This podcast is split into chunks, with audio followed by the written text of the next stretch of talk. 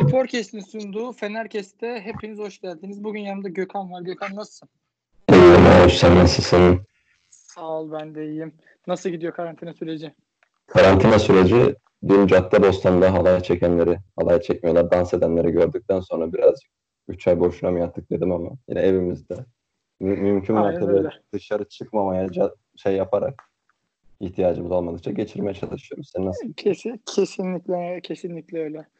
İhtiyaç olmadıkça.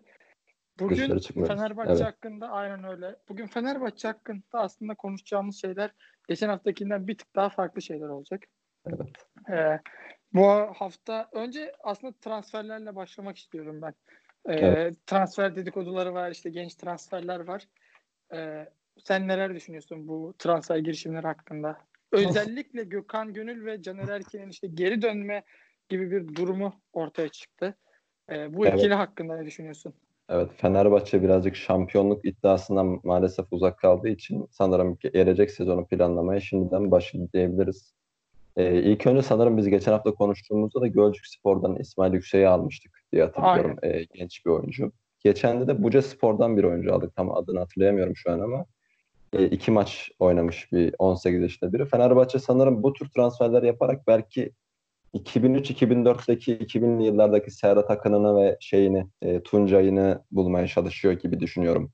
Birazcık da Olabilir, ama evet, e, birazcık da soru işareti mesela iki maç oynamış birini Fenerbahçe'ye almak ne kadar yararlı olabilir? Aslında bu da eleştirilecek bir nokta diye düşünüyorum. Çünkü Fenerbahçe yani altyapısından hala bu tür oyuncu yetiştiremiyorsa oyuncu yeteneklidir, yeteneksizdir onu değerlendirmiyorum ama en azından bu şekildeki oyuncuları bir altyapımızdan yetiştirmemiz gerekiyor artık diye düşünüyorum. Senin diyeceklerine gelecek, gelecek olursak özellikle Gökhan Gönül ve Caner Erkin ismi e, Emre Berezoğlu'nun sportif direktör olacağı kesinleşti gibi dururken yani en azından medyada e, ilk- üçünün de menajerinin ortak olması sanırım Ahmet Bulut. İlk üçünün de menajeri daha çok arttı e, iddialar. Özellikle Emre'nin Caner'i ve Gökhan'ı hani arayıp önünüzdeki sene için kimseye söz vermeyin işte tekrar gelin evinize geri dönün tarzı e, şeyleri hmm, konuşmaları olduğu söyleniyor çeşitli spor yazarları tarafından da. E, benim düşüncem aslında Fenerbahçe'nin yine geçen sene çok geçen dönemde e, pardon geçen programda da vizyon vizyon diye konuştuk. E, Fenerbahçe'nin hala e, bir vizyondan ziyade niye geçmişe dönük transfer yapıyoruz? Hani Emre'yi geçmişe dönük, dönük aldık artık kabul ettik onu. En azından dedik idari olarak katılacak falan. Ama bugün bir Gökhan Gönül'ün, Caner Erkin'in ligde hala iyi oyuncular olmasına rağmen 5 yıl önceki bizden gittikleri gibi bile değiller.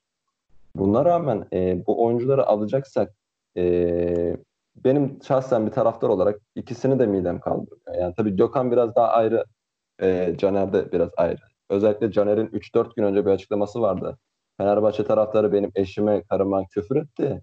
E, Beşiktaş taraftarı beni sahiplendi. Niye Beşiktaş'la durmayayım tarzı falan bir ifadesi vardı. Zaten bunun üzerine de alınacaksa daha ım, talihsiz olur diye düşünüyorum. Çünkü e, onun yine bir eşiyle alakalı olayları olduğu zaman da tüm taraftarlar, Beşiktaş taraftarı da başta olmak üzere da, bağırırken, küfür ederken biz de ona sahip çıkmıştık.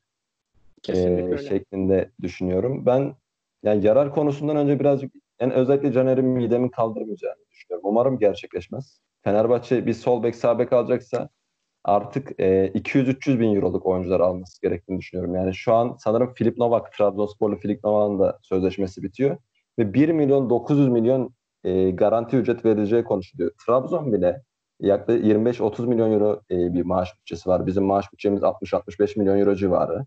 Ve onlar şampiyonluğu oynuyor. Gelir gideri tartışmıyorum ama 11'indeki oyuncuya bile 1 milyon eurodan fazla vermiyorsa ben bu fiyatlara çıkmamamız gerektiğini en azından bir scout ekibimizin 300 bin 500 bin euroya Lines gibi bir oyuncu eğer 1 milyon 900 bini verebileceksek de Galatasaray'ın e, e, kanadı neydi Sevilla'dan getirdiği kanat oyuncusu gibi bir oyuncuya vermem, e, bek oyuncusu gibi bir oyuncuya vermemiz gerektiğini düşünüyorum aslında.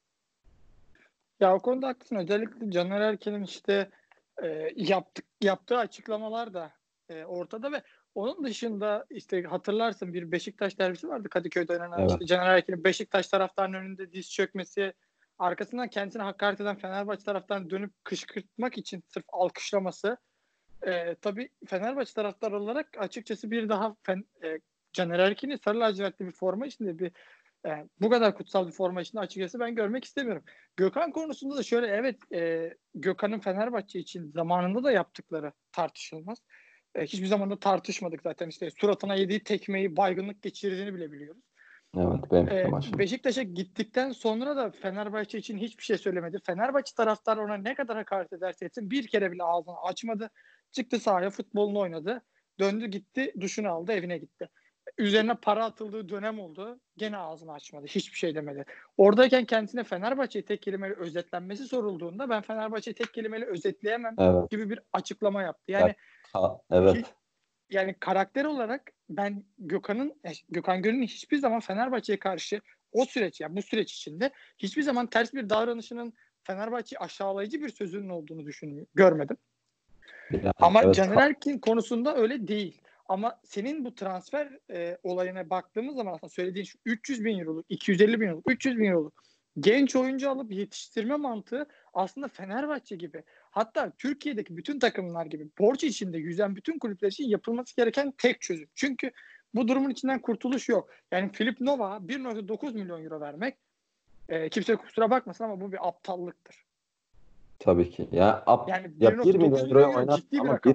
1, 1 milyon 9 bin euroya Danimarka'dan, İskandinav ülkelerinden ne bileyim Güney Afrika'dan. Güney Amerika'dan belki yani 1 milyon 9 bin euroya 3 tane sol stoper, e, sol stoper, sol bek, sağ bek bulabilirsin. Senin hiçbir yani az önce konuştuğumuz konuyu bir daha tekrarlayacağım. Ee, Caner ve Gökhan olayında biz Gökhan'ı o kadar çok protesto ettik ki biz Caner'i pek umursamadık aslında. Caner kendi orada e, ilk Beşiktaş maçında Kadıköy'deki yaptığı böyle bir oley çektirmeler, e, değişik değişik hareketler yapma yaparak taraftarı kışkırttı. Hani bizim daha çok şeyimiz Gökhan'dı. Çünkü hani herkes bunu kabul eder. Caner 2014 şampiyonluğunda muazzam bir performans sergiledi.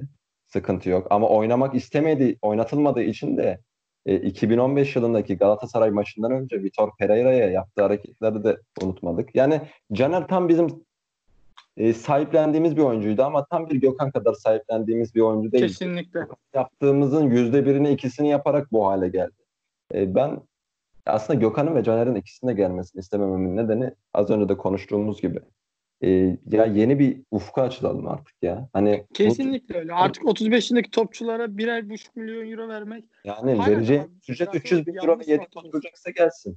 300 E, tabii. 400 bin euro yedek oturacaksa ben ikisi de gelsin.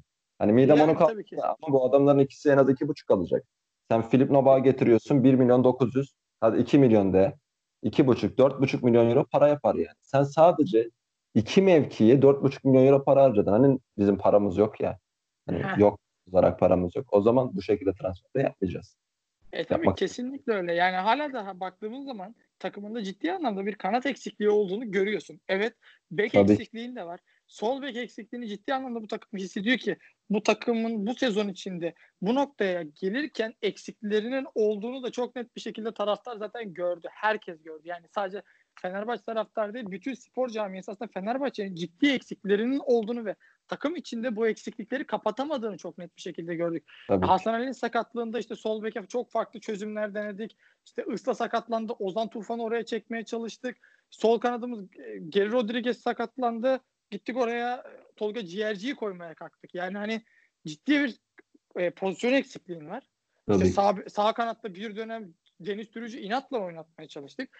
Ciddi anlamda takımın birçok mevkisinde eksik olduğunu gördüğümüz halde inatla aynı pozisyona 3 tane 4 tane oyuncu almaya çalışmak ve evet bana deseler ki 18 yaşında 19 yaşında yıllık 300 bin euro vereceğiz 4 tane topçu al. Bunda sıkıntı yok ama 1,5 milyon euro 2 milyon euro verdiğim adam ben yedek oturtamam. Yani 2, 2 milyon euro Filip Nova vereceksen 2 milyon euro da Filip Novak'tan Andre Santos gibi. Ya şimdi Roberto Carlos Tabii. gibi bir verim alamazsın, karşılaştıramazsın. Ama o yüzden tabii ama an- en azından bir Andre Santos en kötü bir Andre Gökçek Santos Mederson değil. bir şey yani Gökçek bir çıksın bir Son şey. Andre Santos, Reto Ziegler hatta onunla bile muhtaç kaldı. Ki stoperde Yobo'ya ihtiyaç kaldığımız gibi hani hani kötünün de Tabii kötüsü olduğunu gördük. Ee, buradan baktığımız zaman hani Fenerbahçe tamam sağ sol bekini belki bedavaya kapatmak istiyor ama buna verecek senelik ücret var. Yani ben sene sonunda tekrar Fenerbahçe'nin win-win kampanyasında Slimani gibi bir adamın veya hiç oynamamış yatmış bir adamın Benziyaların parasını ödemek istemiyorum ben. Da Kesinlikle öyle. olarak bir hakkım olmalı. Ve şöyle bir durum var. Ben geçen sezon da bunu söylemiştim aslında. Fenerbahçe'nin de geçen sezon da sol bek eksiği vardı. Fenerbahçe geçen sezon sol beki de Roberto Carlos ya da Marcelo oynamıyordu. Geçen sezon da Hasan oynuyordu ve eksik olduğunu. Çünkü şu vardı. Hasan Ali evet e, kötü bir oyuncu değil. Ben hiçbir zaman art niyetli olduğunu düşünmedim. Hasan Ali'nin. Çalışma Kapasite... disiplininden asla kopmuyor. Ama kapasitesinin vere yani kapasitesi bir oyuncunun o kadarsa Hasan Ali kapasitesinin maksimumunda oynuyor ve daha üstüne çıkmasını beklemek mümkün değil. Çünkü kapasitesi evet. o Hasan Ali'nin. Yani ben art niyetli oynuyor. Hasan Ali zaten baktığımız zaman iyi niyetiyle saha içinde her şey yapmaya çalıştığını, her yere koşmaya çalıştığını zaten görüyoruz. Ki birçok maçta da genel baktığımız zaman maç sonunda en çok koşan oyuncular arasına giriyor her maç Hasan Ali. Tabii ki. İyi niyetiyle oynuyor ama yeterli değil. Burası Fenerbahçe. Yeterli değil yani. Hasan Aslında... Ali bir Anadolu kulübünde oynasa Hasan Ali'den yani daha iyi bir sol bek bulamazsın. Bir yani, Anadolu kulübü Has- için. Hasan Ali'ye baktığımız zaman 2013 yılında geldiğinden beri üstüne o kadar koydu ki defansı zaten kötü değildi. Defansını ilerletti. Hücumunu belki Caner kadar e, kanattan kırma olmadığı için hücumunda ilerletti. E, bir şekilde ya geçen sene uzaktan şut çekmeye başladı bu adam. Hiç şut çekmeyen adam. Ki. İki golü olan adam uzaktan şut çekmeye başladı. Milli takımda ve attı. Attı ve Beşiktaş maçında attı. Bir önceki Beşiktaş maçında bir dönem önceki Beşiktaş Direkten maçında iki tane ee, hani Hasan Ali'yi gördüğümüz zaman Hasan Ali kötü oyuncu değil. Hasan Ali'nin kalmasını da istiyorum bu arada. Yine Kesinlikle. tabii ki uç bir ücrete kalmayacaksa. Çok iyi bir devamlı kendini hazır tutacak bir alternatif. Ama Hasan Ali ile Fenerbahçe'nin gelebileceği seviye belli. Fenerbahçe'nin şampiyonluk yarışında tutabilecek bir seviyede olabilir ancak maksimum Hasan Ali'nin sol bekinde. Çünkü hep öyle gördük yani. Maksimumunu görüyoruz Hasan Ali'nin 2013 yılından beri. Caner'in bir sol bekte parlamasıyla 2014'te şampiyon olduk. Onun dışında ya şampiyonluk yarışmayız. Son iki yıldır takımın kötü olması, Caner'in ne kadar iyi olmasının pek bir önemi olmadığını gördük. Bizi daha çok şampiyon yapacak bir stoper, e, sol bek lazım. Aynı şey Kesinlikle stoper işte geçerli. Sağ bek için de geçer. İhsan'ın Fenerbahçe'den gidileceği zaten kamp şey alınmamış Riva kampına galiba. Çok sevindim çünkü zaten acayip bir yıllık ücret alıyor. Oynadığı futbola göre. Tabii ki. Yani ona göre baktığım zaman bu adamlar Fenerbahçe'yi şampiyon yapabilecek bir seviyede değil. Kaldı ki biz Avrupa'ya da gitmiyoruz iki yıldır. Avrupa'da da ne seviyede olmadığımızı bilmiyoruz. O yüzden Tabii Avrupa... orada da ne seviyede oynayacağımız belli değil. Yani 2-3 yıl önce yanlış hatırlamıyorsam Başakşehir Kilişi'ye iyi bir ücret ödedi ama Kilişi'yi getirdi. Atıyorum yani böyle bir oyuncuyu zamanında almamız gerekirdi ama klişi klişiydi yani. Hasan Ali katlar mı? Her türlü katlar. Yani şu an güncel performans o zamanki performans katlar. İhtiyacın vardı almadın. Yani eğer Filip Nova verdin 1 milyon 900 bin. Hasan Ali'yi gönderdin. Onun yerine Caner'i bek olarak almaktansa Ömer Çakı var, Abdul Cebrail var. Bu tür genç yetenekler var da hep konuşulan evet, isimler. Bunları yedek var. Onu bile oynattığın evet. oldu sol bekte. Evet bunları yedek olarak oynatman daha mantıklı olur. Evet, bir bölgeye iki tane transfer yapma. Biraz öz kaynaklarımıza dönelim abi. Ya tabii ki ben mesela geçen sezon geçen sezonun başında retozikler serbestti. Evet. Ve çok uzun bir süre serbest kaldı. Çünkü Fenerbahçe'den gelecek evet. o teklifi bekledi. Tabii ki. Ve ben açıkçası dedim ki alın. Çünkü retoziklere sen para verme. Askeri ücretle oynat o adam çıkar oynar. Doğru. Yani, yani işin şakası tabii ki bir yana ama hani sen o adama bir buçuk milyon euro, iki milyon euro vermesen de 500 bin euro versen de o adam çıkar 500 bin euroya oynar. Bunu daha önce yaptı. Fenerbahçe'de bir yıl oynadı. Şampiyonluğu kaçırdığımız o adam tut, oturdu ağladı. Lefter öldü. Tabutun taşıyanların en başındaydı. Yani zaten Juventus'tan gelmişti. Orada Tabii Juventus'ta pek kadroda şans bulamadığı için kızamayız kendisine. E, ama tabii ki bu çok mümkün bir şey. Yani bugün Juventus gibi dünya çapındaki bir kulüpte şans tabii bulmak ki. seviyeler zaten ortada. Hani ya Bonucci, evet. Chiellini 37 yaşına gelmiş adamları bile kesmekte çok zorlanıyorsun. Genç zaten oyuncu olarak işte delittim, melittim. İngiltere ha. Ligi için o kadar sert bir oyuncu, e, İngiltere diyorum pardon, İtalya, İtalya. Ligi için e, çok sert bir sertlikte bir oyuncu değildi ama Retozikler pes etmeyen bir adamdı. Şey Musa Sov golünü hatırlarsın belki. Topu Aynen. kovalaması. Ee, daha sonra e, bir sene oynadı. Bir senenin sonunda yarım dönemde gelmişti hatırlarsan Emre Belezoğlu ile beraber. Yarı final oynadığımız sene de Hasan Ali'ye kalsak o sene yarı final oynayabilir miydik? E, meçhul yani ama Hasan Ali bu, burada çok kötü. Yok Hasan Ali'yi kovalım. Hasan Ali'nin seviyesi Tabii bu. Kendini maksimum bu kadar geliştiriyor. İyi bir lider. Tabii ki iyi bir lider olabilir, takımın içine kalabilir. Zaten yaşı da ileri. Bunu da kabul, yedek olmayı da kabul edebileceğini düşünüyorum. Çünkü bugün konuşuyoruz Galatasaray hakkında. Galatasaray'a giderse orada da yedek olarak alınacak aynı Şener gibi. Onun yerine takımda tutulması ve Caner'in alınmaması. Filip Nova aldığını kabul ediyoruz maalesef 2 milyon lira. Bu şekilde yorum yapabiliyoruz yani. Sağ bek daha bir sıkıntı mı? Sol beke göre. Hayır Dirar'ım var. Gökhan E, Gönül'ü tabii. şu anlık kabul ettik. Gökhan Gönül zaten senede artık e, 40 maç, 30 maç oynayabilecek bir seviyede değil. 10-15 maç oynayabilecek seviyede e, kaburga sakatlığı nedeniyle. O yüzden e, Gökhan Gönül'e değişmeli olarak Dirar'ın sağ bekte olması daha iyi olur. E, bu konuda katılıyorum. Ama maalesef sol bek konusunda konuşulan isimlerden özellikle Caner'e ve Filip Nova ücrete e, verilen maksimum ücrete hiç katılmadığımı söylemek istiyorum. doğru. Kesinlikle öyle. Bir de gelelim bu biliyorsun Hı. haftaya başlıyoruz. Başlıyor artık. Aynen Dünyanın en iyi başlıyor çok şükür. Aynen. Dünyanın en iyi ligi başlıyor. 12'sinde e, bugün ayın 7'si sanırsam ve 5 gün sonra yani Cuma akşamı saat 9.45'te e, Kayseri Spor Fenerbahçe maçıyla tekrardan lig Süper Lig tekrardan başlıyor. E, önümüzde Kayseri maçı var. E, biliyorsun Kayseri şu anda ligin en kötü takımı durumunda ama biz bu takıma daha önce puan kaybettik. Tek biz yendik sanırım yanlış Aynen, hatırlamıyorum. aynen. Galibiyetleri yoktu. İlk bizi yendiler ve ilk puanların yani 3 ilk defa 3 puanı bize karşı aldılar. İşte 90 artıda doğru Umut Bulut'un attığı bir gol vardı. Fenerbahçe'nin direkten dönen toplarının olduğu, verilmeyen penaltısının olduğu, böyle hakemin cümbür cemaat böyle bir maç yönettiği müthiş bir maçtı. Müthiş bir performans hakem açısından da o maç zaten. Ee, gene bir Kayseri maçı. Bu sefer Kadıköy'de oynayacağız maçı. Ve Seyircisiz bundan var. sonra işte Evet. Aynen seyircisiz oynanacak ama işte Fenerbahçe'nin e, insanlardan fotoğraf istediğini ve o fotoğrafları tribünlere e, yerleştireceğini söyledi. Öyle bir atmosfer olacak. E, bu pandemi sürecinden dolayı statlarda seyirci alamıyoruz. E, bu Kayseri maçı ve sonrasında kalan 6-7 maçlık süreç Fenerbahçe'yi nasıl etkileyecek? Çünkü şu an Avrupa potası dışında kalmış durumdayız. Acaba bu Evet, kalan yedinci. 6-7 maçta ve büyük ihtimalle e, Erol Bulut'la anlaşılacağı için de bir Fenerbahçe hoca adayla anlaşamıyor. Çünkü e, kimse 6-7 maç için bir takım başına geçmeyi kabul etmez. Evet. E, Erol Bulut'un da Alanya'da zaten e, ortaya koyduğu müthiş bir performans var. Evet. E, işte kupada belli bir noktaya geldi ve e, kupayı kazanma ihtimali bile var. Ligde çok iyi bir konumda. Avrupa'ya gidiyor. Evet. Şu anki tabii ki konumundan dolayı. Tabii ki e, Alanya'yı bırakmamasını ben bir taraftar olarak, bir insan olarak bunu doğal bir şekilde karşılıyorum. Yani E, kupa kazanma ihtimali zaten. E tabii ki ortada bir kupa kazanma ihtimali olması belki bir nebze düşünürdü ama sonuç olarak kariyerinde bir defa kupa kazanarak Fenerbahçe'ye gelmek istemesini, ben daha önce kupa kazandım Alanya'da demek istemesini ben gayet normal bir şekilde karşılıyorum. E, o yüzden de büyük ihtimalle diğer isimler bence rafa kalkmış durumdalar. Erol Bulut'un gelebilme ihtimalinden dolayı.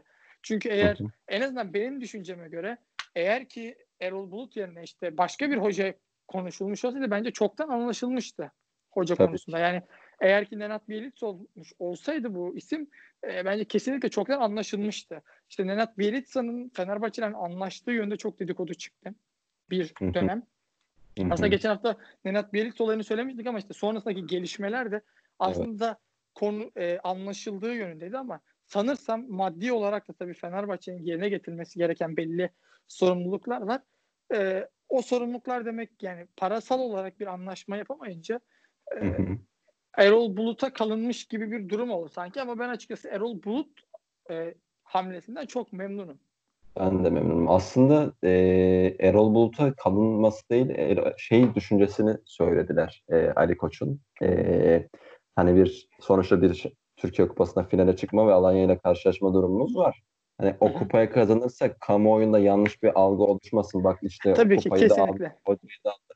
Öyle ince bir düşüncesi var. Aslında e, bu kadar profesyonel bir adamın da bu kadar ince bir düşünmesi, düşünebilmesi de güzel bir olay. Ama biraz Kesinlikle profesyonel bence düşünmek lazım. Çünkü şu an Fenerbahçe'nin rakibi Alanya Spor puan tablosuna baktığımızda 3 puan E, var. kesinlikle. Onlar da Avrupa için saldıracak, biz de Avrupa için saldıracağız. Yani Şu an Fenerbahçe- Erol Bulut'un gelmesi birazcık e, Alanya ile oynayacağımız maçlar açısından da kupa özellikle kupada oynayacağımız da kamuoyunda çok Hı hı. yanlış bir tepkiye yol açacaktır ki zaten e, kamuoyunda biliyorsun bize yüklenmeye, yazıp çizmeye, işte bir şeylerle itham etmeye, suçlamaya yer aradıkları için bence Ali Koç'un en azından şu süreçte e, yaptığı en doğru hamlelerden bir tanesi bu diyebiliriz kesinlikle. O zaman şey maçına konuşalım biraz. Kayseri maçını Spor ne yaparız ve Kayseri sonrasını ne yaparız? Orada bir düzlüğümüz var çünkü.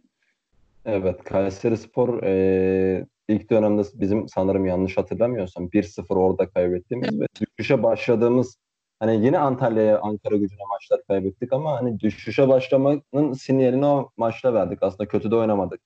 E, hakem hatası falan olabilir ama sen Fenerbahçe'ysen artık e, 2011'de yaptığın gibi hakemi de yeneceksin Fenerbahçe'ysen.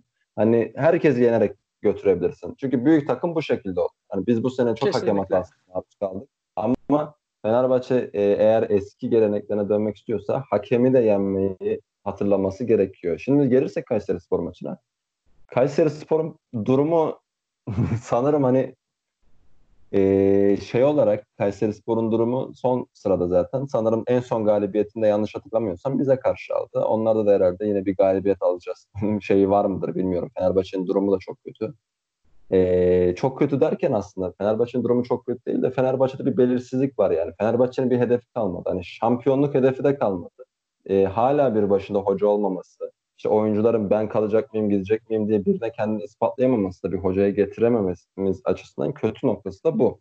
Ama e, Kayseri Spor maçında Fenerbahçe'nin yani seyircisi seyircili cidden e, halı sahada bile oynansa bu maçın Fenerbahçe'nin söke söke alabileceği bir maç olması gerekiyor. Çünkü. Fenerbahçe'nin ne kadar kötü olduğu konuşuluyorsa Kayserispor inanın ki hem maddi açıdan da bizden kötü her anlamda bizden kötü. Yani bir. Kayseri'nin en büyük itiraz edenlerden biriydi e, takımlar küme düşürülmesinin. İlk küme düşecekleri adım gibi belli.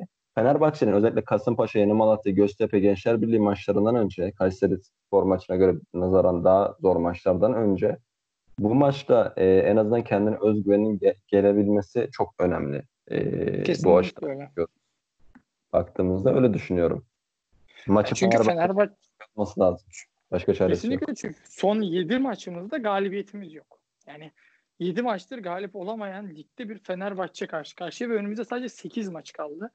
Ee, buradan maksimum tabii 24 puan toplayabiliyorsun ama e, bu şam, evet yani matematiksel olarak baktığımız zaman hala şampiyonluk şansımız var ama e, tabii yani matematiksel olarak kalıyor sadece o şans birazcık açıkçası. Çünkü işte Trabzon'un biliyorsun bir de Trabzon'un maç eksiği de var. E, daha bir de yani 9 maç oynayacak aslında Trabzon. E, zaten 27 puan yapıyor. Hepsini kazansa sen hepsini kazansan gene puan farkını kapatamıyorsun mat- matematiksel olarak. E, ve tabii ki puan kaybedecek midir? Kesinlikle kaybedecektir bu süreçten sonra ama buradan gelip şampiyon olabilmek e, cidden çok zor bir iş. Ya ben açıkçası bu saatten sonra bu noktadan bu noktadan oraya gelebilmek çok mümkün değil. E, Yani ama takımların oyuncuların başına çok kötü bir şey gelmesi lazım ki bizimkiler de E, sağlam kalsın o şekilde olur. Yani bugün E, tabii baktığımızda 8 maçlık 8 maçlık bir fikstür var. Onları da söyleyeyim hatta. E, Kayseri evimizde oynadıktan sonra Kasımpaşa deplasmanımız, Malatya ile Kadıköy'de bir maçımız. Arkasından e, Göztepe. Göztepe ile bir içeride bir maçımız daha var. Arkasından Gençler Hı Birliği deplasmanı, sonra bir Sivas Kadıköy var. Yani Sivas'la oynayacağımız bir Kadıköy maçı var. Sonrasında bir Beşiktaş derbimiz var deplasmanda ve ligin son maçında da Rize ile kendi evimizde oynayarak fikstürü bitiriyoruz. Aslında baktığımız zaman Sivas ve Beşiktaş maçları dışında e, çok ekstrem böyle bizi zorlayabilecek takımlar yok. Yani 7 ve yapı, Fenerbahçe'nin zor yapabilecek takımlar yok. e, tabii ki. Ama oyun olarak baktığımız zaman Peki. e, bütün maçlarda puan kaybedebilme ihtimalimiz var açıkçası. Yani Çok, objektif çok. bir şekilde olaya yaklaştığımız zaman bütün maçlarda puan kaybedebiliriz. Yani çünkü bu Evet. takımların neredeyse biz hepsine puan kaybettik. Hepsine puan verdik. Az önce evet hem puan verdik hem de şöyle bir ihtimal var. Bizim Avrupa'yı düşünüyor mu bizim oyuncular onu bilmiyorum. Ama herhalde Kesinlikle. düşünmeleri gerekir. Ama şu an oynayacağımız Kayseri zaten düşme, düş, en sonda düşme hattında. Kasımpaşa'ya bakıyoruz. 13. düşme hattına her an gelebilir. Yeni Malatya 15. düşme hattına gelebilir. Yani buradan Göztepe maçına kadar bizim kadar hani ne yapacağı belli olmayan takım yok. Zaten Fenerbahçe'nin yani bu şu puan tablosuna baktığında bile 7. olan Fenerbahçe'nin ilk 8'deki en fazla gol yiyen takım olduğunu görüyoruz. Hani bir takım 34 gol yiyerek daha e, kaçıncı haftadayız? Sanırım 26. 26. haftada ya kadar da 34 gol yiyen bir takımın şampiyonluğunu konuşması bile e, birazcık mucize olabilir. Yani 34 tabii. gol neredeyse averajımız sıfıra yakın. E Neredeyse zaten matematiksel olarak baktığımız zaman da e, maç başına birden yani birden fazla gol yiyoruz. Yani bu bu ciddi Evet. cidden Fenerbahçe gibi bir kulüp için çok kötü bir istatistik. yani Fenerbahçe'nin e, gol yedi iyi gol yediği zamanlardan biri 2003-2004 sezonunda bile Fenerbahçe 3 gol yiyordu ama 7-3 kazanıyordu maçı. 6-3 E, kazanıyordu. Yani böyle kesinlikle. gol yolumuz da yok. Ee, geçen hafta bahsettiğimiz gibi bir yine Vedat Muriç'in Allah korusun bir sakatlığında Fenerbahçe'de kim forvet oynayacak bunu bilmiyoruz. Kanadımız Ki bekimiz- Vedat'ın da Vedat'ın da ciddi bir performans düşüşü yaşadığını son zamanlarda gördük aslında. E, Evet. tabii ki bunlarla alakalı belli dedikodular da ortaya atıldı. İşte Avrupa kulüplerine transfer olma düşüncesi aklı çelindi. Bu tip e, düşünceleri ortaya tabii attı. bu E, da mümkün bu da çok tabii ki. Ya ama daha çok e, Vedat'ın bu kadar sivrilmesi e, ve iyi oyun tarzını bence e, ekstra önlemler alarak karşı rakipleri kapattı. Biraz da onun form düşüklüğü oldu. Burada sıkıntı aslında çok iyi. Ersun Yanal'ın çok iyi bir taktik vardı. Çünkü Vedat'ı bir kişi değil artık iki kişi tutuyordu. Arkadan gelebilecek bir adamın bir kişilik bir boşluk alanı olabilirdi. Ya bir B planıyla bunu halledebilirdik ama inatla Vedat'ı aynı stilde oynatarak e, birazcık aslında Vedat'ın da e, çıkışını ve inişini göz önüne aldığımızda inişinde en büyük rollerden biri Ersun Yanal'ın devamlı Kesinlikle Vedat üzerinden. Yani Vedat stoperden topu alacak. Kanata açacak. Gidecek, orta açacak. Böyle bir takım olamaz. Messi Yani bile tabii- bunları yapıyor. Ronaldo E, bile bunları yani. yapıyor. Ya tabii ki maç içinde denersin ama bunu maçın 90 dakikasına yayarak sürekli olarak aynı şeyi yapmak da e, şey oluyor aslında birazcık yani aynı kitabı okuyup sonun değişmesini beklemekle aynı şey oluyor aslında. Yani 90 dakika aynı taktikle oyna oyna oyna. Adam zaten biz hayır sen 90 dakika 7-8 maç, 10 maç, 15 maç böyle oynayınca sen de ondan sonra rakipler diyor ki zaten Vedat'ı tuttuk mu diyor. Çözülüyorlar diyor. Hiçbir şey yapmamıza gerek yok diyor. Vedat'ı çözüyoruz diyor. Ön taraf arkası öne geliyor diyor Vedat'a topu verebilmek için diyor. Arka taraf olduğu gibi açık diyor. Kanatlardan diyor havalandırın topları diyor. Bekler ileriye doğru yönlendirin. Ara paslarla golü buluruz diyor ki bugün Fenerbahçe'nin yediği gollerin çoğuna bakalım. Hepsi arkaya atılan toplardan geliyor. Top- Neden? Çünkü Vedat'a top yetiştirmek için bizim stoperlerimiz orta sahaya kadar gidiyor. Ne kadar diyor. Aynen öyle. Zaten baktığımız zaman Vedat Muriç'i çıkaralım. Vedat Muriç sol kanadımızda sanırım. Geri Rodriguez'e bakalım. Yani Rodriguez'in yapabilecekleri de sınırlı.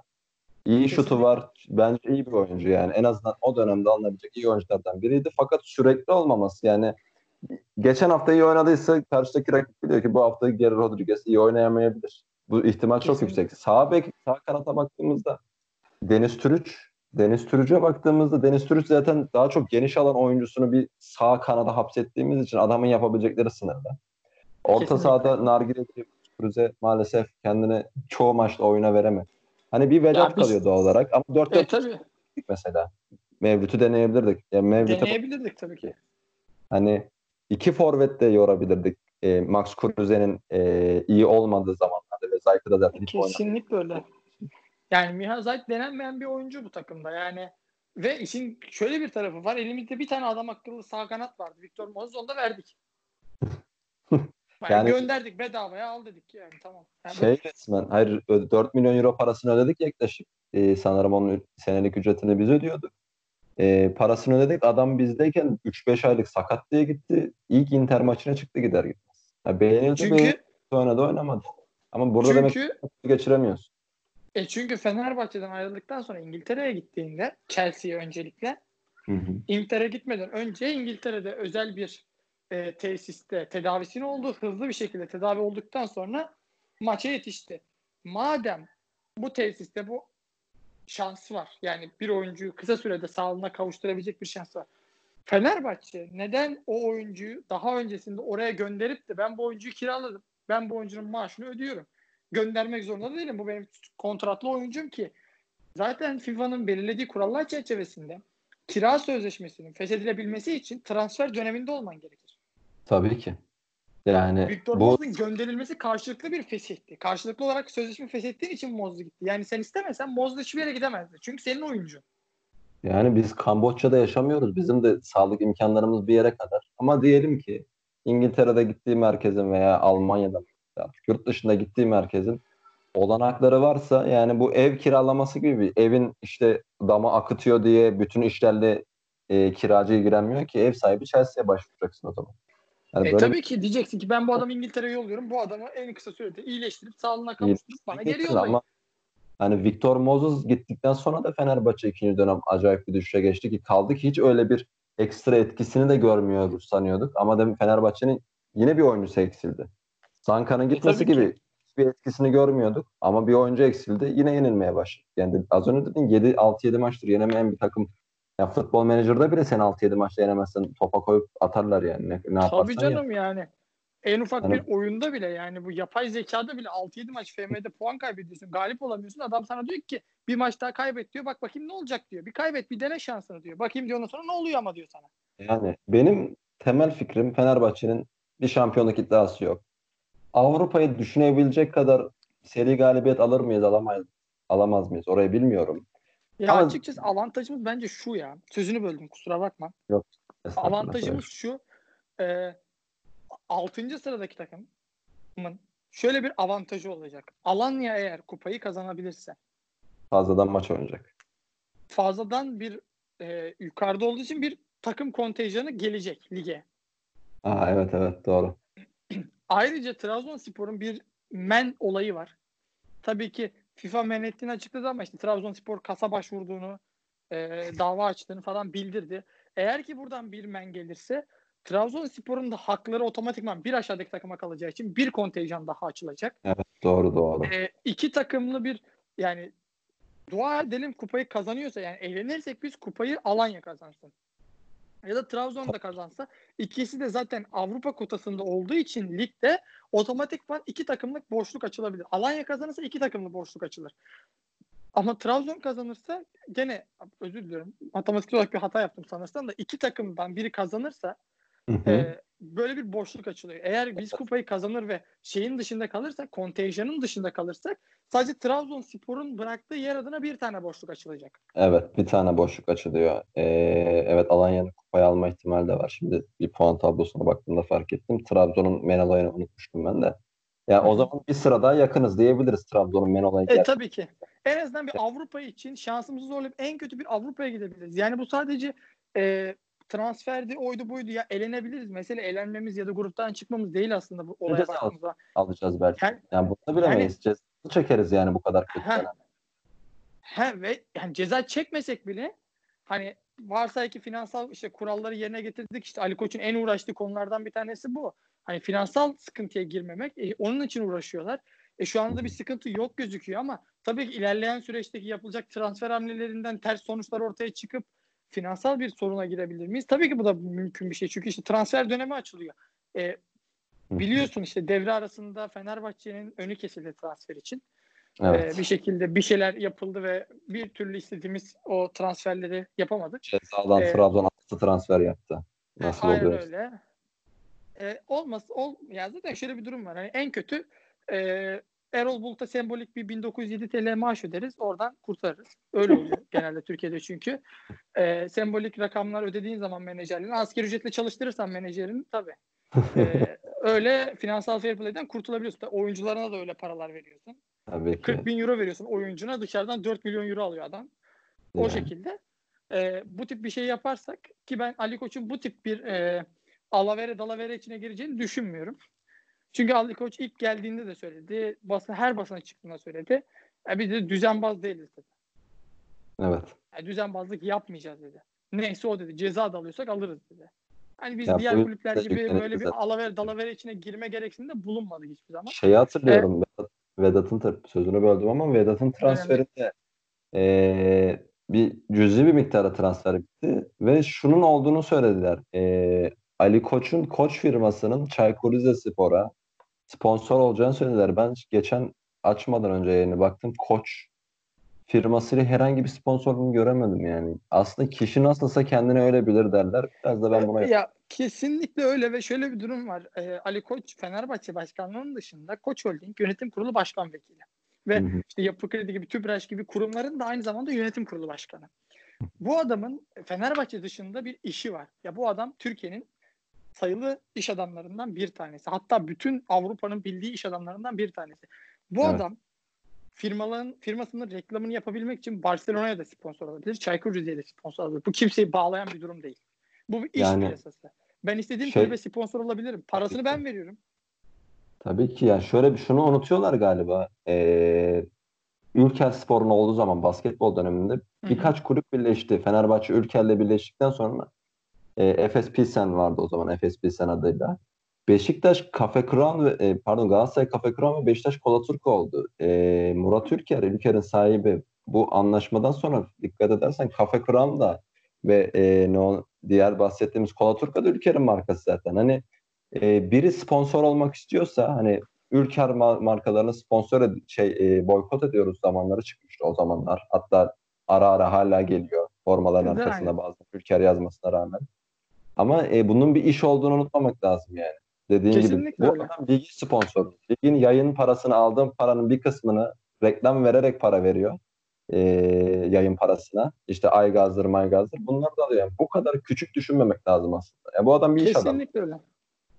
Yani bu adamın Diyelim. tek işi Fenerbahçe başkanı olmak değil. Yani e, Ali Koç şu anda işte Süleyman Seba gibi normal senin benim gibi bir insanken kulüp başkanı olmuş bir insan değil. Değil. Evet Süleyman Seba böyle bir şeye karışmış olsaydı zamanında böyle bir tepki çekebilirdi. Çünkü Süleyman Seba da normal e, Ali Koç ya bir iş adamı değildi, bir zengin değildi. Normal senin benim gibi bir insandı o da. Tabii ki. E, bu tepki çekebilirdi ama Ali Koç'tan bahsediyoruz burada. Ya bu çok normal bir şey. Bu adam istediği takıma bugün Normal. Fenerbahçe Fenerbahçe'ye sponsor oldu. Evet kendi kulübü olduğu için sponsor oldu. O zaman neden Barcelona'ya sponsor oldu? O zaman Messi'yi de alalım. Bu mantıkla baktığımız zaman. Yani, Yani- Griezmann'ı alalım. Oynatmıyorlar zaten. Messi'lerin arası bozuk. Griezmann'ı alalım o zaman biz. İş piyasasıyla futbol bu aşkla işi pek karıştırmamak lazım. bazen. Kesinlikle öyle. Yani Yani Ee, bu ikisi o kapıya çıkıyor biraz. Ya, kesinlikle öyle. O konuda yüzde yüz haklısın. Ee, ben şey diyecektim. Bu şu an Fenerbahçe'nin 8 haftada bir şey kazanmak istiyorsa Avrupa'yı kazanabilir en iyi ihtimal. Eğer içeriden bir oyuncu kazanmak istiyorsa artık sağ kanatta Tolga Ciğerci yerine Ferdi'yi görelim. Daha Kesinlikle. genç oynamayan Miyazak'ı görelim. Mesela Miyazaki 8 hafta oynatalım belki bir talip çıkar 8 haftada iyi oynamasa bile. Fenerbahçe yani yani ne kaybedebilir? 8 hafta Miyazaki e, veya Tolga'yı oynatmamak yerine Miyazaki oynatarak e, Tolga Ciğerci'yi oynatarak ne kaybedebilir burada onu düşünelim. E, En Yani- azından ikinci girsin. Bu birazcık içimizdeki kaynaklardan en azından seneye de yararlanabileceğimiz oyuncular. E, gelecek Ya- antrenör için iyi olur diye düşünüyorum. ya burada en başta bir Ferdi Elmas var. Şey Ferdi Kadıoğlu var. Elif Ferdi- Elmas örneğini Ferdi Ya yok e, Ferdi Kadıoğlu örneğini Elif Elmas'ı örnek gösterecektim. Yani bu oyuncu oynattık sattığımız rakam 16 milyon euro. Demek ki satabiliyormuşsun. Yani Ferdi Kadıoğlu'nu da oynatacaksın ki Elif Elmas gibi o da kendini gösterip gitsin bir yerlere. Yani Miyazaki Ben neden Av- işte. Avrupa'da ya Avrupa'da gitsin. Ya Avrupa'da eğlenelim ama gidelim de eğlenelim. Yani gidelim paramızı alalım. Belki Yani- çıkarız. Daha fazla para kazanırız. Oyuncularımızı görürler. Çünkü Türkiye Ligi dünyanın her yerinde Türkiye Ligi'ni sadece Türkler izliyor. Başka kimse izlemiyor. Yani Kesinlikle. oyuncuları Artık derbilerimiz keşfedebilmek bile, mümkün değil. derbiler bile dünyada izlenmiyor. Fenerbahçe Galatasaray E, derbisi 10 yıl önce YouTube videolarında bile yani dünyanın en iyi 10 derbisi arasına girerken bugün ismi zikredilmeyen bir maç haline geldi yani. Bunun tabii ki çeşitli Kesinlikle öyle. nedenleri olabilir. Ligin kalitesinin düşmesi en büyük neden tabii ki. Ama bizim bu oyuncuları bir şekilde izletmemiz lazım. Yani kimse senin Falette'yi aldığın gibi oynamayan bir oyuncu almıyor. Ay, tabii Oynadığını ki öyle. alıyor. Genç de olsa almıyorlar artık. Yani hani adam diyor ki para veriyorum diyor. Eskiden de diyor genç alayım da yetiştireyim bilmem ne. Gençse diyor oynar diyor. Zaten yetenekliyse diyor Fenerbahçe bunu oynatır diyor. Demek ki diyor yeterince yetenekli değil. Ben niye alayım diyor adam. Yani Adamın mantalitesi bu. Mantığı bu. Ki doğru bir düşünce.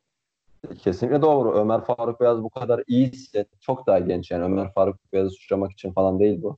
Bunu oynatmadan, insanın gözüne sokmadan Wonderkid olsa hiçbir işine yaramaz ki. Yani O- Beşiktaş'ta. Muhammed Hatır diye adam. Yani Barcelona altyapısı istiyor, Chelsea peşinde. Muhammed nerede şimdi acaba?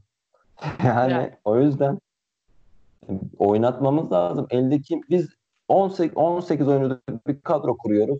11 artı 3, 14 oyuncuyla oynuyoruz. Olursa maksimum 15. O zaman 18 kişilik bir kadro kurma devamlı aynı adamlar değiştireceksin. Yani birilerine şans ver yani. Sadece Türkiye Kupası'nı beklemesin Ferdi Kadıoğlu. Ki kaldı ki Türkiye Kupası'nda bile neredeyse oynamadı. Neredeyse oynamadı. Yani. Ya Ferdi'ye Yani- mesela diyorsun ya işte mesela o tran ta şey o talip oldu, bu talip oldu. E, adam oynamıyor bile. Şimdi Chelsea varsa ki Ferdi Kadıoğlu'na talip oldu. Adam Fenerbahçe'deki maçlarını izlemeye kalksa oynatmıyor ki. Adam diyecek ki Yani- kendi kulübüne Chelsea kendi kulübüne bir bakacak. Diyecek ki Premier Lig mi Türkiye'deki mi? Premier Lig. Benim ligim daha zor. Hatta kat kat daha zor. Ben diyor kafaya oynuyorum diyor. Şampiyonlar Ligi'ne gitmek için oynuyorum diyor. Fenerbahçe nerede diyor? Aşağıda diyor. Onun liginden Şampiyonlar Ligi'ne gitmek mi kolay diyor. Benim ligimden Şampiyonlar Ligi'ne gitmek mi kolay? Bakıyor kendi liginden daha zor. Fenerbahçe ile kendisini kıyaslıyor. Kadro kalitesini kıyaslıyor. Kendi Tabii. kadro kalitesi çok daha üstün. E diyor ki bu çocuk daha diyor Fenerbahçe'de 11 oynayamazken diyor. Benim kadromda diyor o zaman mümkün değil. Ben bunu almayayım diyor. Ya adam diyor ki ben bunu oradan getireceğim. Bu ülkeye alışacak, edecek diyor. Benim altyapıma bakayım diyor. Tamam Ferdi kadar iyi, değil belki bir tık düşük. Ama ben buna harcama yapmayacağım. Hem de ben adamı görmüyorum ki neye göre alacağım diyor. Yani Heh. Fenerbahçe antrenmanı izlemiyor. Avrupa'dan scoutlar gelip de Fenerbahçe E, antrenmanı izlemiyor. Diye düşünüyorum. Bir de Ferdi'nin performansına bakıyorum şu an. Ee, hiç 11 çıktığını hatırlamıyorum ama Ya E, kupada falan 15 çıkıyor işte. 15 maç oynamış toplam. 2 maç, 2 gol, 2 asist oynamış. Yani çoğu sonradan gel, e, girdiğini düşünürsek. Hep bu şey- 75'te 80'de giriyor. Aynı bölgede oynayan Deniz Türüç'e Deniz Türüç'e bakarsak 19 maçta 2 gol oynamış. Ya kafa kafaya neredeyse hiç oynamayan bir adamla devamlı oynattığın bir adam bir de aynı performans veriyorsa demek ki bir şeyler değişiklik vakti geldi. Ya bu Deniz Türüç kötü değil diye değil. Deniz Türüç'ü Max Kruse'nin iyi olduğunu düşünmüyorsan ofansif orta saha dene. Daha sonra Ferdi sağ kanatta dene. Sol kanatta şey dene Vedat. e, sol kanatta geriyi dene. İleride Vedat'ı dene. Yani bir şekilde bir varyasyon yap. Seneye oyuncu bırak en azından. Mesela E, biz karar yani. verelim. Palette'yi alacağız mı almayacağız mı? 8 maç kesin oynasın yani. Hazır değil diye beklemesin. Yani hayır onu geçtim bir de şöyle bir durum var. Yani bakıyorsun mesela şeye Hı hı. e, bu orga ka- kadro dizaynına Max. Kruse buraya gelmeden önce gayet de net bir şekilde sağ kanatta ve sol kanatta maç içinde geçip oynayabiliyordu. Yani maç içinde bir dönüşüm olduğunu kanatlar arasında ortaya geliyordu bazen fo- tam forvete geçtiği zamanlar oldu. Kanada geçti. Kanattan içeriye bindirmeler yaptı. Yani bu adam bunların hepsini yapabiliyor. İlla sen adamı 10 numaraya kitleyip sadece 10 numara oynayacaksın diye zorlamanın bir anlamı yok. Ya bu Diego'yu Ki- 8 numaraya kitlemek gibi bir şey oldu ya. Heh, aynen öyle ve şöyle bir durum var. Özellikle Max Kruse'de maçlarda şunu görüyoruz. Max Kruse açık alanda kaç defa çok rahat bir şekilde böyle bir dokunuşla adam çalımlayıp basa bas kanattan Peki. gittiğini gördük. Tabii ki yani. Elinden Max Kruse varsa Max bu yani Max Kruse'nin oynadığı alanlar sen alırken bunu düşünmüyor musun? Ben bunu burada denerim, şurada denerim. Ya sağ kanat açığın varsa o sen o hafta sağ kanatta oynat. Sol kanat açığın varsa sol kanatta oynat. Zayık'ı çek, birini çek ya. Kadro mühendisliğini aslında çok kötü yapmamızın etkisi bu. Hani E tabii. Mehmet Ekici'yi Galatasaray maçında son dakikada sokacak kadar çaresiz bir değişiklik yapma. Mehmet Ekici'yi ara ara Kruze'yi sol kanata çekerek, Mehmet Ekici'yi orta saha, ofansif orta saha, orta sahaya çekerek, Zayk demiyorum illa ki. Dene yani. Bunu denersen Fenerbahçe E tabii. taraftarı bir şey demez ki yani. Hiç denemediğin Max Kruse'de kanatta denemiş oluyorsun aynı zamanda bir de. Sadece bir oyuncu da denemiyorsun. İki oyuncuyu aynı anda deniyorsun sahada. Yani birazcık böyle e, oyunu çevirmeyi şey sandık biz herhalde. Sağ beki, sol beki, orta sahayı, Ozan'ı sağ beki alalım, sağ beki, Dirar'ı sol beki alalım. Bu şekilde çevirdik. Ama onlar da aralarında herhalde kutu kutu pense oynar gibi çevrildiği için bol bol da gol yedik yani. Hani bu şekilde tabii kötü. ki. Adamın oynayabileceği mevkiler belliyse orada çevir yani. Şimdi Dirar kariyerinde bu adam Monaco'da yarı final oynayarak geldi Şampiyonlar Ligi'nde. Hiç Aynen yarı final oynamış bir oyuncu gibi yararlanamadık bu adamdan. Yani bir kanatta Aynen Mbappe öyle. oynuyorsa bir kanatta bu adam oynuyor. Hani bu şekilde bir takımdan geldi. Çok iyi de işler yaptı Valbuena ile aynı şekilde. Ama yani adam şey yaptık ya Bayern Münih maçına küstürdük ya. Oyundan çıkmak. Ya ve hatırlarsın bu sezon özellikle bu sezon geçen sezonun Ersun geldikten sonrası için konuşuyorum. Hı hı. Arkada Isla varken önde bir Dirar ikilisi vardı ve bu ikiliden kaç gol katkısı aldı? Yani o yakalanan uyum birbirlerine bakmadan artık ara pas veriyorlardı. Evet. Evet. Aralarında böyle bir uyum oluşturmuştu ikisi artık. O kadar çok birlikte oynattın ki çünkü sürekli olarak. Isla artık pası veriyordu bakmadan daha koşmaya başlıyordu ve Dirar Isla'nın nereye gideceğini adının Dirar olduğundan daha iyi biliyordu ve topu direktman onun ayağına atıyordu. Ümit Özat'la Tuncay gibi olmuşlardı. Yani tabii futbol seviyesi olarak alakalı yok ama Ya tabii ki Ya ikili olarak ama yani. Ya sağ beki belki halletmiştik o zaman. Şimdi İssa gitsin, İssa hiç beğenmiyoruz diyoruz da İssa'nın önünde her hafta bir Tolga Ciğerci oynuyor, bir Ozan Tufan oynuyor, bir Deniz oynuyor, Hız oynuyor iki hafta, iki hafta sonra Mozgül Biri oynuyor. ondan sonra ısla performans gösteremiyor. Gösteremez tabii. Önünde defansif orta saha oynatırsan adamı Tabii ki yani. Beşik- Beşiktaş maçında da İssa kötü oynadığını düşünmüyorum. Çok fazla para alıyor. Onda bir şey demiyorum. Düşük bir Ya paraya anlaşmıyorsa yöneticisin. 2 milyon 300 bine yakın para alıyor yanlış hatırlamıyorsam. Ya tabii ki Çok bunlara zaten yeni bir yenilenme ihtiyacı var o bölgede. Ama e, böyle bir hmm, çok oyuncumuz oldu bu sene. Böyle bir Benzia gibi yüzüne bakılmayacak bir topçu değildi yani. Ama tabii ki. demek ki Fenerbahçe'de dediğimiz gibi en başında bir seviyeye kadar çıkarabilecek bir oyuncu değildi. Ama bunu tek hata da kendisinin değil. Hasan Ali ile Caner'in oynadığı sene e, Zikler ve Caner de oynadı ayrıca. Sol e, kanatta Kaytır olmadığı dönemlerde biz Avrupa Ligi'nde yarı final gördük yani. Hani Aynen bunun nedeni ikisinin de çok iyi oyun, Deto'nun çok iyi sol bek olması değil. Cidden Fenerbahçe daha Van der Wiel galiba. Yok o sağ bekti. E, karıştırdım. Daha iyi, daha iyi sol beklerin geldiği dönemde oldu Reto Zikler'den sonra. Ya, kesinlikle Hani- öyle. Ama ona rağmen baktığın zaman hani aynı uyumu yakalamak önemli. Fenerbahçe transfer yap istediği kadar sabaha kadar konuşalım. Fenerbahçe takım uyum sağlayamayacak bir adam alacaksa almasa daha iyi bence. Aynen öyle. diye Bu haftalık programında sonuna geldik. Eh, bir 45 dakikamızı doldurduk. Bizi dinlediğiniz için çok teşekkür ederiz. Bizi takipte kalın. Zorunda kalmadıkça da evden çıkmayın. Çıkmayın, evde kalın. süreç içerisinde. Diğer podcastlerimize de sayfamızdan Sporcast yazarak Twitter'a ya da Spotify'a Sporcast yazarak Apple Podcast'lere de aynı şekilde Sporcast yazarak diğer podcastlerimizi de dinleyebilirsiniz. Biz dinlediğiniz için çok teşekkürler. İyi günler. Evet.